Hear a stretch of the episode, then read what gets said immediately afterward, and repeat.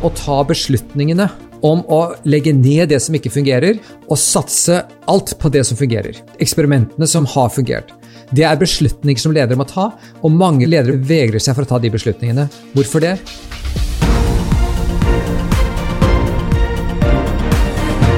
Dette er All In med Oslo Business Forum. Morten Hansen er professor i ledelse ved Berkeley University of California. Han er medforfatter, sammen med Jim Collins, av bestselgeren Great by Choice, og forfatter av Collaboration og Great at Work. Han har jobbet som professor ved Harvard Business School og INSEAD. Hans forskning har vunnet flere prestisjetunge priser, og han er rangert som en av verdens mest innflytelsesrike ledelsestenkere av Thinkers 50. Morten Hansen var også leder i Boston Consulting Group, hvor han var rådgiver for bedriftskunder over hele verden. Og når det ikke er pandemi, reiser Morten verden rundt for å hjelpe selskaper og mennesker til å bli bedre i jobben. Vi har invitert ham til en prat om et tema jeg vet engasjerer flere av våre lyttere. For vi har fått flere spørsmål om vi kan snakke, og gjerne med Morten, om det er mulig å endre måling av aktivitet. Er den gamle modellen om å se på timeforbruk og så beregne en pris for en leveranse snart historie? Kan det være andre måter å vise til verdi på som gjør at vi må tenke nytt rundt prising av tjenester? Dette skal vi nå dykke inn i sammen med Morten Hansen. Velkommen til podkasten All In med Oslo Business Forum, en podkast for ledere som er lidenskapelig opptatt av ledelse, innovasjon og strategi.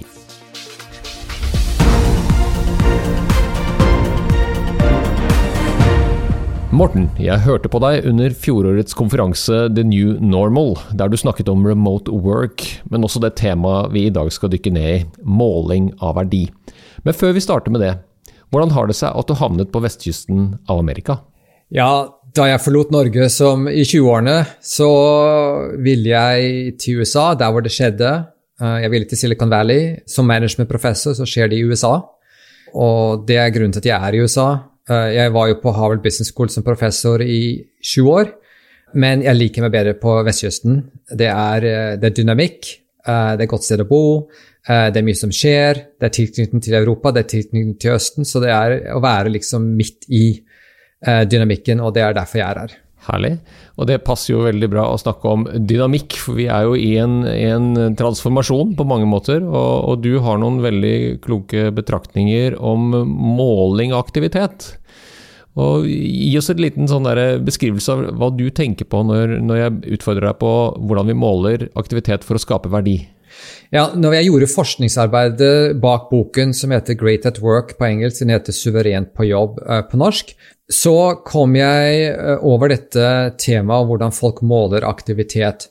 Og, og det var faktisk en, eh, noe som jeg egentlig ikke hadde tenkt så mye på, men det vi fant ut av, det var at folk måler feil. De måler aktivitet, altså volum av aktivitet, hvor mange timer jeg har jobbet, hvor mange møter jeg går på, hvor mange flyreiser, ikke nå da, men før pandemien, uh, hvor mange kunder jeg har, hvor mange kundekontakter jeg har skapt som selger osv.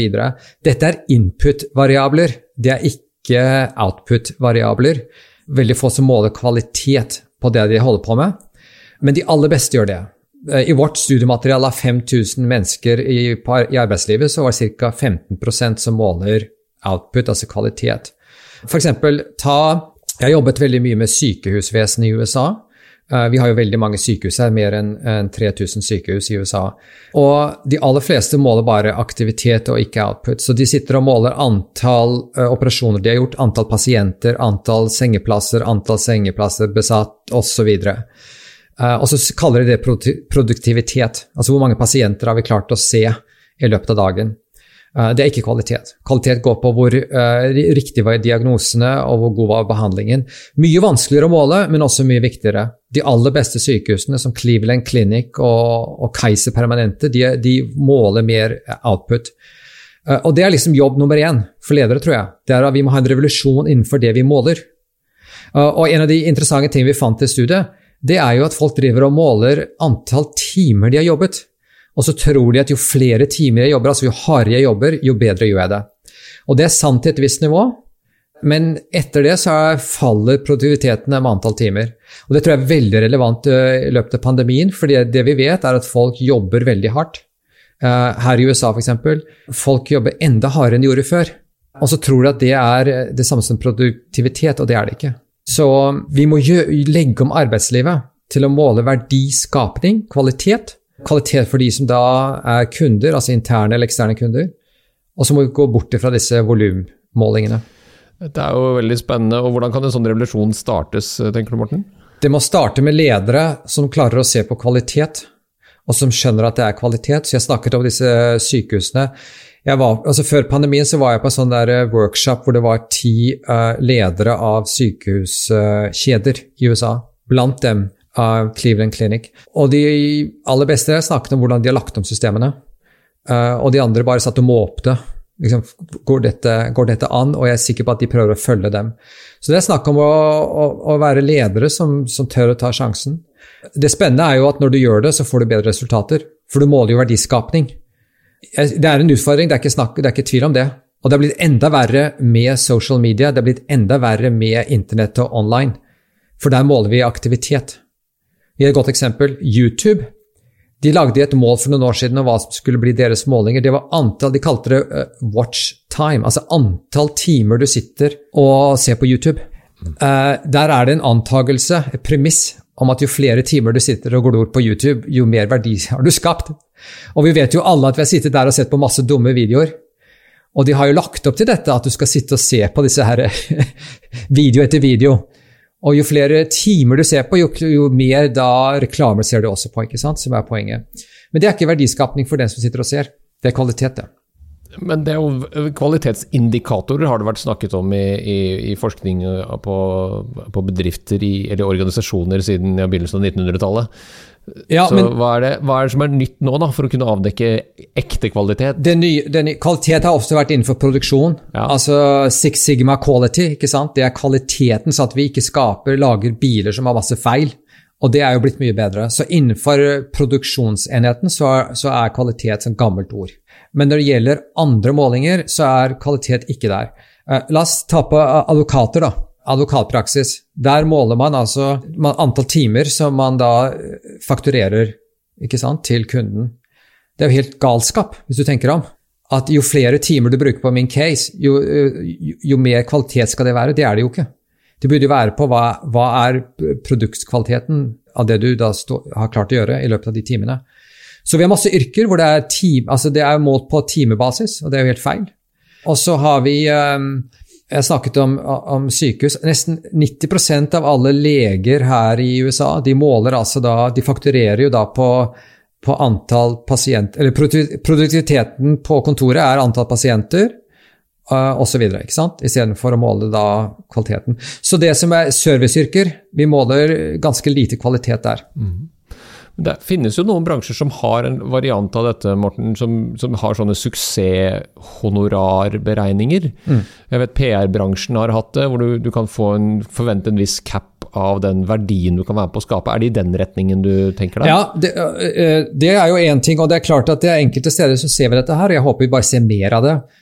Det er vanskelig, fordi at hvis du jobber mot et firma så, som PR eller en annen service, og så tenker du f.eks. ja, vi skal, opp, uh, vi skal legge opp vårt honorar til aksjekursen i firmaet. Ja. Problemet er at det er ganske langt mellom det du gjør og, og, aksjekursen. Det er mange andre variabler som påvirker aksjekursen, og kanskje din lille bidrag ikke er, så veldig viktig i, den store sammenheng. Så jeg, jeg har mer tro på det som ligger litt nærmere hva man gjør. Uh, det er klart at det er vanskelig for mange altså Hvis du ser på en PR-bransjen, uh, PR-firmaer, altså hva, hva verdi skaper de for kundene sine? Det er jo ikke enkelt å måle det. Eh, men det at det ikke er enkelt, det er jo ikke, det er ikke godt nok argument. Da må vi bare jobbe hardere da, for å finne gode løsninger. Så det, det argumentet er jeg ikke Jeg er sympatisk til det, men jeg, er ikke noe, jeg mener ikke at det er ikke fremtiden. Jeg tror at det er, det, Her må vi ha en innovasjon mm. i antall målinger, i de målingene vi gjør. Og Det passer jo veldig bra, for et annet spørsmål jeg har gleda meg til å spørre deg om, er jo ditt syn og du, Jeg har jo lest boken din, så jeg vet jo hva som kommer nå. Nå skal vi inn i, i ammunisjonsverden. Og, og, og, ditt syn på innovasjon, Morten. Hvis vi skal sette i gang innovasjon på dette, da ville du gjerne sendt en kule gjennom uh, målskiven, ville du ikke det? Ja, den boken du snakker om er Great by Choice, som jeg skrev med Jim Collins. Og vi så på firmaer som er veldig suksessrike når det gjelder innovasjon. Og vi, vi da sammenlignet med andre i den samme industrien i bransjen som ikke var like bra. Det første vi må snakke om, det er at dette med at man skal være det mest innovative firmaet i bransjen, det er helt feil. Altså, det er ikke snakk om radikal innovasjon, det er ikke det som skaper verdi. Det som skaper verdi, det er eksperimentering. Vi kaller det, altså vi kalte det 'bullets and cannonballs'. Jeg vet ikke om det var en veldig heldig metafor, for det har jo andre assosiasjoner. Men uh, Man husker den da, Morten? Ja, man husker den. Det er det. Det er fengende. Uh, men det er liksom små kuler. det er altså da, du ser, Istedenfor å bruke alt kruttet ditt på en svær, på en svær uh, bombe. Men eksperimentering, det er det som er det viktige. At man eksperimenterer hele veien. og så det som da fungerer Man tar da beslutningen om å ta de eksperiment, eksperimentene som fungerer, og da gjøre mest mulig ut av dem. Skalere dem. Det er det som er fasen her. Og det er noe som jeg vil si har vært en revolusjon i Silicon Valley de siste 15 årene. Uh, altså AB-testing, der man starter å bruke, særlig online, man kan gjøre små eksperimenter hele tiden. Og så kan man finne ut av hva som fungerer, og så bruker man det. Hvorfor er dette viktig? Altså, Hva er konteksten for dette? Det er at en verden som vi lever i, som er blitt enda mer enda mer i større forandring, enda større usikkerhet enn det var da vi skrev Great by Choice. Eh, når man er i en sånn verden, så kan man ikke sitte på kontoret og analysere seg frem til hva som fungerer. Man må ut i verden med eksperimenter og virkelig prøve ut forskjellige ting. Og hvis man skal være og drive med pilotprosjekter og prøve eksperimenter osv., så, videre, så er man nødt til å gjøre det smått. Man kan ikke bruke alle pengene sine på eksperimenter, store eksperimenter. Så jo, jo mindre man kan gjøre det, det er derfor man, man, kaller det minimal viable products, altså MVP, jeg vet ikke om man kaller det kanskje det på norsk òg. Det er altså så lite man kan, og dette er jo i gründermiljøet, så er jo dette liksom den, eh, den, store tingen, men det er jo helt riktig også, at man gjør det på den måten. Og jeg tror i, i løpet av pandemien, de som har klart å overleve, de bransjene som har vært rammet hardt, jeg tenker f.eks. restaurantbransjen, så har det jo vært mange eksperimenter. Eh, jeg snakket jo om denne caset, og eh, her har vi en restaurantkjede av en berømt kokk som heter Wolfgang Puck. Og han sitter på mange av disse luksusrestaurantene, særlig nede i Los Angeles. Han har blitt rammet som alle andre. Men det han satte i gang, var jo bare en hel masse eksperimenter. Ghost Kitchen, eh, masse forskjellige ting. Og noen av de funket ikke, og stoppet dem, og andre fungerte, og så har de da gjort mer av dem. Men andre har bare liksom stengt ned restauranter eller sitter og bare gjør takeout. Det er jo sånn som alle gjør, ikke sant? Og venter på bedre tider. Det er ikke nok. Jeg møtte en, en, veldig spennende fyr for et par år siden, Jerome Engels, som, som jobbet jo med Steve Blank. Som jo igjen inspirerte Erik Riis, mm. som jo har skrevet Lean Startup. Og som jo er blitt bibelen for veldig mange som leter etter dette her ja, lean og agilitet med små eksperimentering. Og 'get out of the building' er også blitt godt norsk, eh, Morten. Mm. Men hva er annerledes med det og, og, 'bullets and cannonballs'? Eller er det det samme? Det er noe samme, noe forskjellig. Et par ting der. Det første er at du kan ikke drive bare eksperimentere. Det går ikke. Da blir det bare, Særlig som stor bedrift. hvis de driver masse, Og det har vi sett. Mange som har tatt din startup og, og, alt dette her mm. inn i store bedrifter, og så har de satt i gang en hel masse eksperimenter, og så blir det ikke noe av. For det du må gjøre Hvorfor altså, ikke det? Nei, fordi at Bullets and Cannibals det har tre faser som du må gjøre. Hvis du skal bli god på innovasjon i en stor bedrift eller en etablert bedrift, så er det tre ting du må gjøre. Nummer én er eksperimentet. Det er fase én. Prøve ut mange forskjellige ting. Nummer to, det er å ta beslutningene om å legge ned det som ikke fungerer, og satse alt på det som fungerer. Eksperimentene som, som har fungert. Det er beslutninger som ledere må ta, og mange ledere vegrer seg for å ta de beslutningene. Hvorfor det? Jo, for nå må de virkelig satse, og så må de kanskje stenge ned noe som allerede fungerer. Og, og det er vanskelig. Mm. Det er cannibalizing, det som, som gir deg profitten i dag. Og så må du Fase tre er jo da skalere. Så det, det, er, det er eksperiment, beslutning, og så skalere. Og der igjen må du da overføre ressurser til det. Vi har et godt historisk eksempel. Og dette er noe som folk ikke egentlig vet om. Og det er at uh, det store eksempelet på et firma som bare gikk, gikk rett og slett til helvete, det var Kodak. Og alle visste jo, vi husker jo fra, vi er jo Kodak-generasjonen, de som er på min alder. ikke sant? Kodak klarte ikke å transformere bedriften til den digitale verden og de har gått eh, konkurs. Nei, de så tror alle at ja, Nå skal jeg være pimpete. Ja, is med ja, is, men Kodak lever jo veldig Ja, ja men de har gått, det, det, er sant. Men på den annen side, de er ikke i den bransjen de var i eh, i den eh, ikke sant? De er, de er stort sett falt fra hverandre.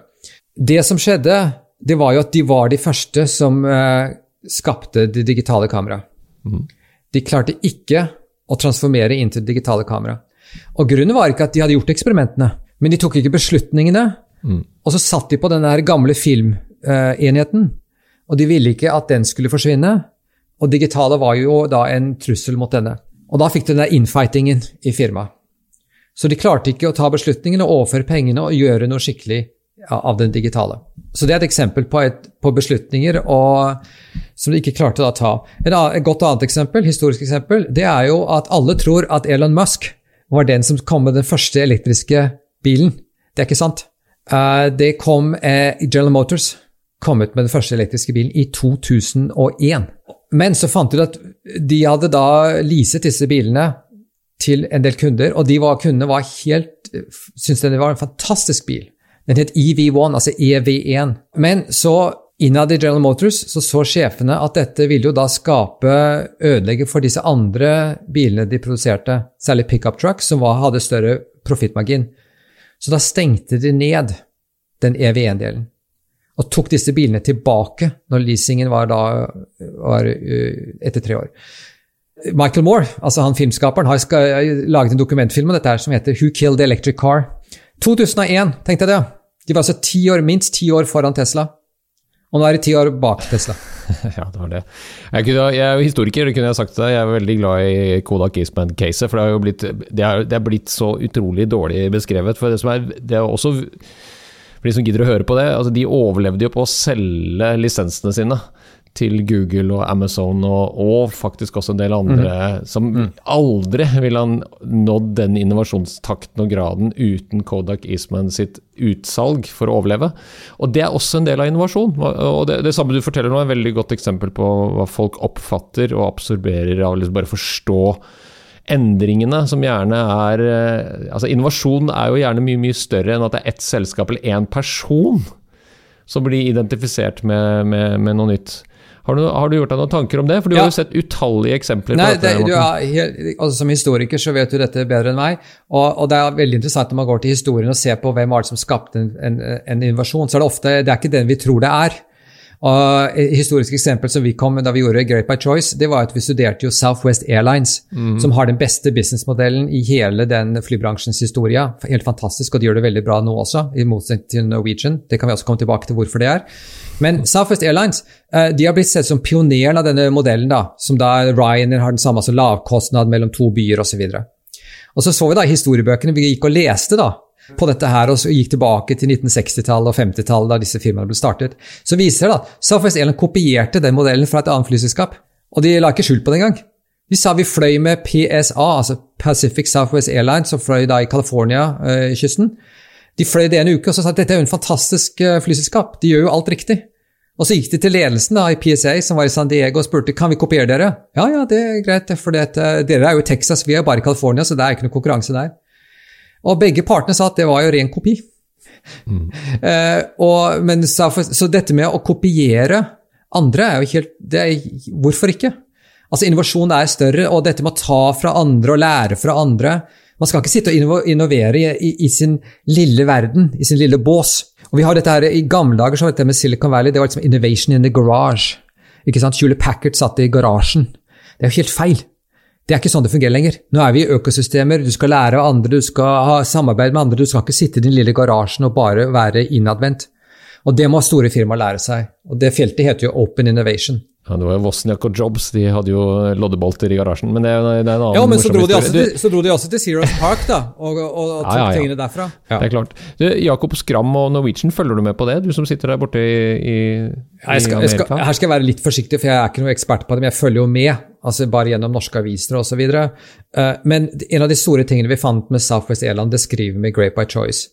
Det er et kapittel i den boken som heter Return on Luck.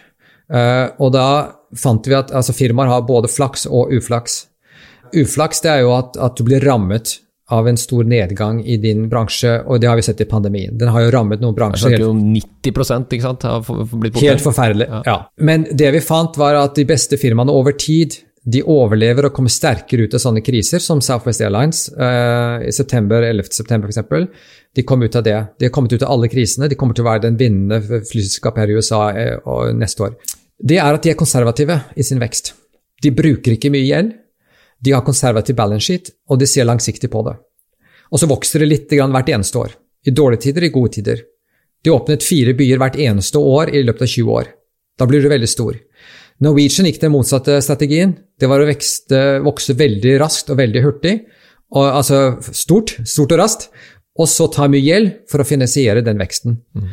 Og da er du eksponert. Mm. Så det jeg lærer... Du kan lese av strategien, da. Ja. Det er det vi kan, egentlig. Ja, ja, så strategien, Men det eneste dumme det jeg har sagt nå, det er at når da den pandemien liksom er nå, eller er nå, så er det ikke det er liksom ikke så veldig godt for meg å komme med det rådet om at ja, du skulle tatt mindre gjeld. Det er jo ikke noe hjelp å si det når det er rammet hardt. Nei.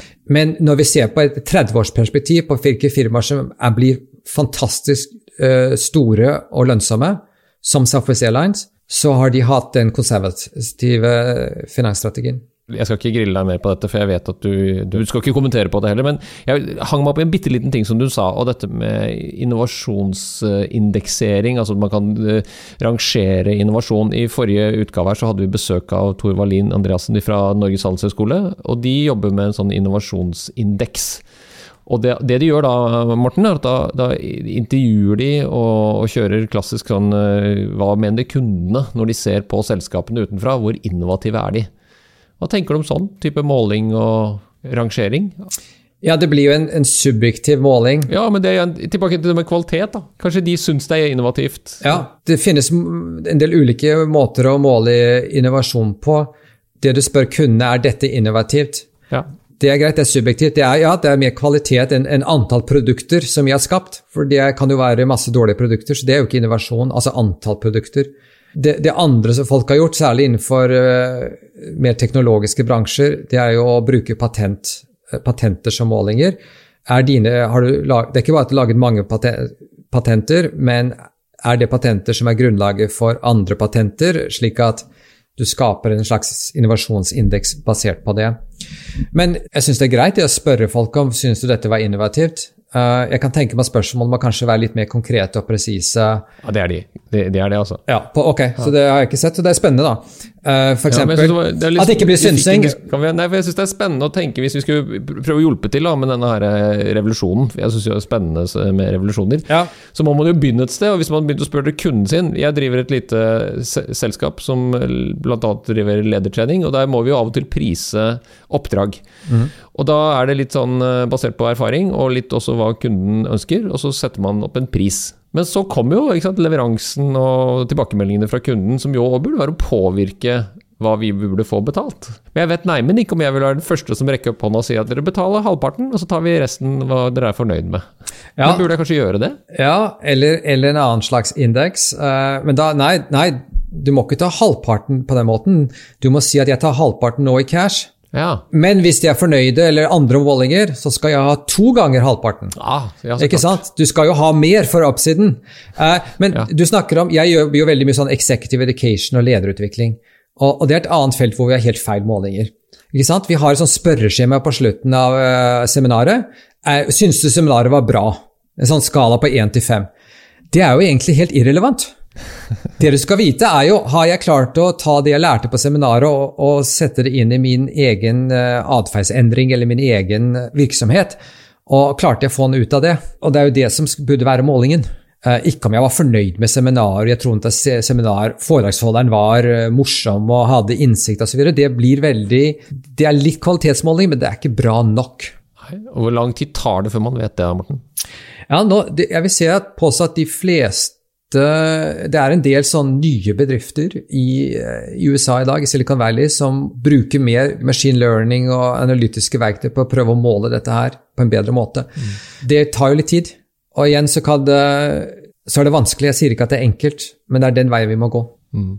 Men for kunnskap, da, jeg, jeg lærer også og har vært i mange år, jeg er opptatt av at kunnskap har jo flere nivåer. Og den anvendte kunnskapen, som vi aldri egentlig strever etter å både gi til studentene våre, men også til de som vi ja, lærer noe, da. Den kan jo komme til anvendelse veldig mye seinere enn det man mm. tenker at den bør. Og da er jo liksom målingstidspunktet, hva er det for noe? Var det når Morten fortalte dette, eller var det når du leste boken som Morten gjorde, eller var det når du hørte på denne podkasten, så gikk du ut rett etterpå og fikk bruk for det? Eller var det om et halvt år? Ja, det, det jeg, tror jeg, er litt pessimist der Nei, altså, på jeg- maskinlearningen. Det, det er jeg ikke helt sikker på om den blir presis nok. jeg vil måle når det gjelder sånn lederutdanning eller annen opplæring og training, så tror jeg det er to forskjellige eh, områder og to forskjellige målinger. Okay. Den ene altså, er dette med prøve å utdanne folk til f.eks. konkret atferdsendring. At jeg holder bedre møter fordi jeg hadde et seminar om møteeffektivitet. Det kan måles. Der, er, der tror jeg vi er enige. Det er kanskje vanskelig å måle det, men det kan måles. Andre delen det går jo på dette med at utdanning er så mye mer enn sånne konkrete ting. Det er perspektiver, det er innsikt, det er kritisk analysetenking, det er mange andre ting. Det kan ikke måles. Nei. Så den delen, og mye av det jeg gjør for eksempel som professor på Berkeley, det er at jeg prøver å undervise i den boksen, ikke første boksen. Men man må skille de to boksene. Ja, det som er så herlig med begrepet utdannelse, det er jo dannelse som du skal bruke der ute. Det er et fiffig ordspill. Men det er, det er det siste spørsmålet. Det leder meg veldig elegant over til det. Det, det er noen studier, i hvert fall her i, fra Norge, og jeg regner med det er det samme verden over, at de som har slitt mest med denne pandemien i yrkeslivet, og som det også har vist seg vanskeligst å lede, det har vært eh, unge og nyutdannede som eh, gir eh, tilbakemeldinger til, eh, til lederne sine om at de trenger mer altså de er mer avhengig av den sosiale tilhørigheten og, og det fellesskapet for å trives i jobben. Har, har det vært det samme bildet du har fanget opp, Morten? Ja, vi har det samme bildet. Det går både profesjonelt og sosialt. Jeg tror vi har kommet frem til, i hvert fall her i USA, og det er at dette med 100% hjemmekontor, 100% fjernkontor, det er, kommer ikke til å fungere. Nei. Og det var noen firmaer som tidlig ute sa, Twitter for her, sa ja, nå skal alle være 100% fjernkontor. Det kommer de til å gjøre om, det beslutningen der. Eh, Det kommer til å bli en helt annen modell. Eh, Jeg tror vi kommer til å gå inn i en hybridmodell, som jeg har snakket om før. Dette med kanskje tre dager på kontoret og to dager hjemme, eller noe, noe slikt noe. Eh, Folk får, tror at en hybridmodell er det samme som fleksibilitet, altså individuell fleksibilitet. Det har ingen tro på.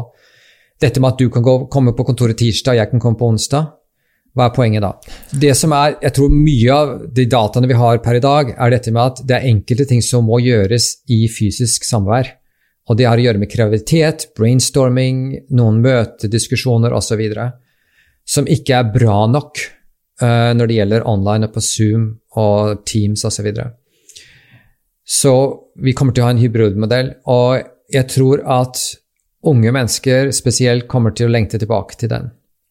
Jeg tror også det er noen personer, og det ser vi her i USA nå, som har blitt vant til hjemmekontor. Og liker det, fordi at du slipper å sitte en time i en bil osv. til og fra jobben. Det er jo mer effektivt, eh, altså det er ingen tvil om det. Når du skal Jo. gjøre oppgaver, Ja. så er det mer effektivt. Det er det. Så det syns jeg vi skal eh, legge til rette. At vi trenger igjen, vi trenger en endring. Det er dette gamle ordtaket om at uh, a crisis is too good to go to waste. Jeg tror dette med at vi legger om hvordan vi arbeider, er en ting som kommer til å, å bli bedre, faktisk. Men det er hybridmodellen, og det er, ikke, det er ikke fjernkontor, og det er ikke 100% tilbake til det vi hadde heller. Det tror jeg ikke. Det er helt strålende, Morten. Vi har dekket tre veldig spennende temaer på en eh, halvtimes tid. Vi har vært innom en eh, ønske, begge to, om en produktivitetsrevolusjon, og vil utfordre ledere til å tenke nytt rundt kvalitet. Det er ikke noe oppskrift på dette, og det er nok vanskelig, men det er begynn å se om det er mulig å måle hvordan du skaper verdi for kunden din. Så jeg har vært innom dette med å bli god på innovasjoner, hvor Morten snakker om det med å eksperimentere. Det med å legge ned det som ikke virker, altså vri ressursene fra eksperimenteringsfasen til det å kunne sette fart på det som kan skaleres. Altså skalerbarhet som punkt nummer tre. Så var vi innom eh, min favorittematikk, eh, utdanning og læring og måling av læring, som jo også er, som faller inn under det du har jobbet med og har god erfaring med og spennende tanker om. At eh, det er så mye mer med dette med den, det dannelsesaspektet rundt når man lærer noe nytt. da. Eh, Bare en liten note for min egen del. Det er jo veldig mange nå som er opptatt av å fortelle om det nye de har hørt om, men ikke nødvendigvis er så opptatt av å bruke det. det men det er bare en hjertesukk. For en som blir, eldre og eldre, så kan det være noe med det også. Det siste vi nå var innom, er denne hybridmodellen. Og det må ikke misforstås at det er det samme som et fleksibelt arbeidsmarked, i alt det hva nå det kan bety. Morten, hvis du skal gi et råd til ledere i dag, hva skal de gjøre? Jeg tror den store utfordring for eh, ledere fremover, det er å øke endringstakten. Eh, Og det tror jeg er gjennom eksperimentering, bare å få med det punktet der. Og det betyr også å øke læringstakten, nye kompetanser, altså reskilling. De to tingene der det tror jeg er de store utfordringene, så vi har snakket litt om det, men bare fremhevet de to. Og det kommer til å bli enda mer gjeldende nå de neste fem årene enn det har vært de foregående fem. Hvis du likte denne podkasten, hadde vi satt utrolig stor pris på om du abonnerte og gir oss en tilbakemelding i avspilleren. Spre gjerne ordet videre til andre ledere som er lidenskapelig opptatt av ledelse, strategi og innovasjon. Mitt navn er Tor Haugnes. Sammen er vi all in med Oslo Business Forum.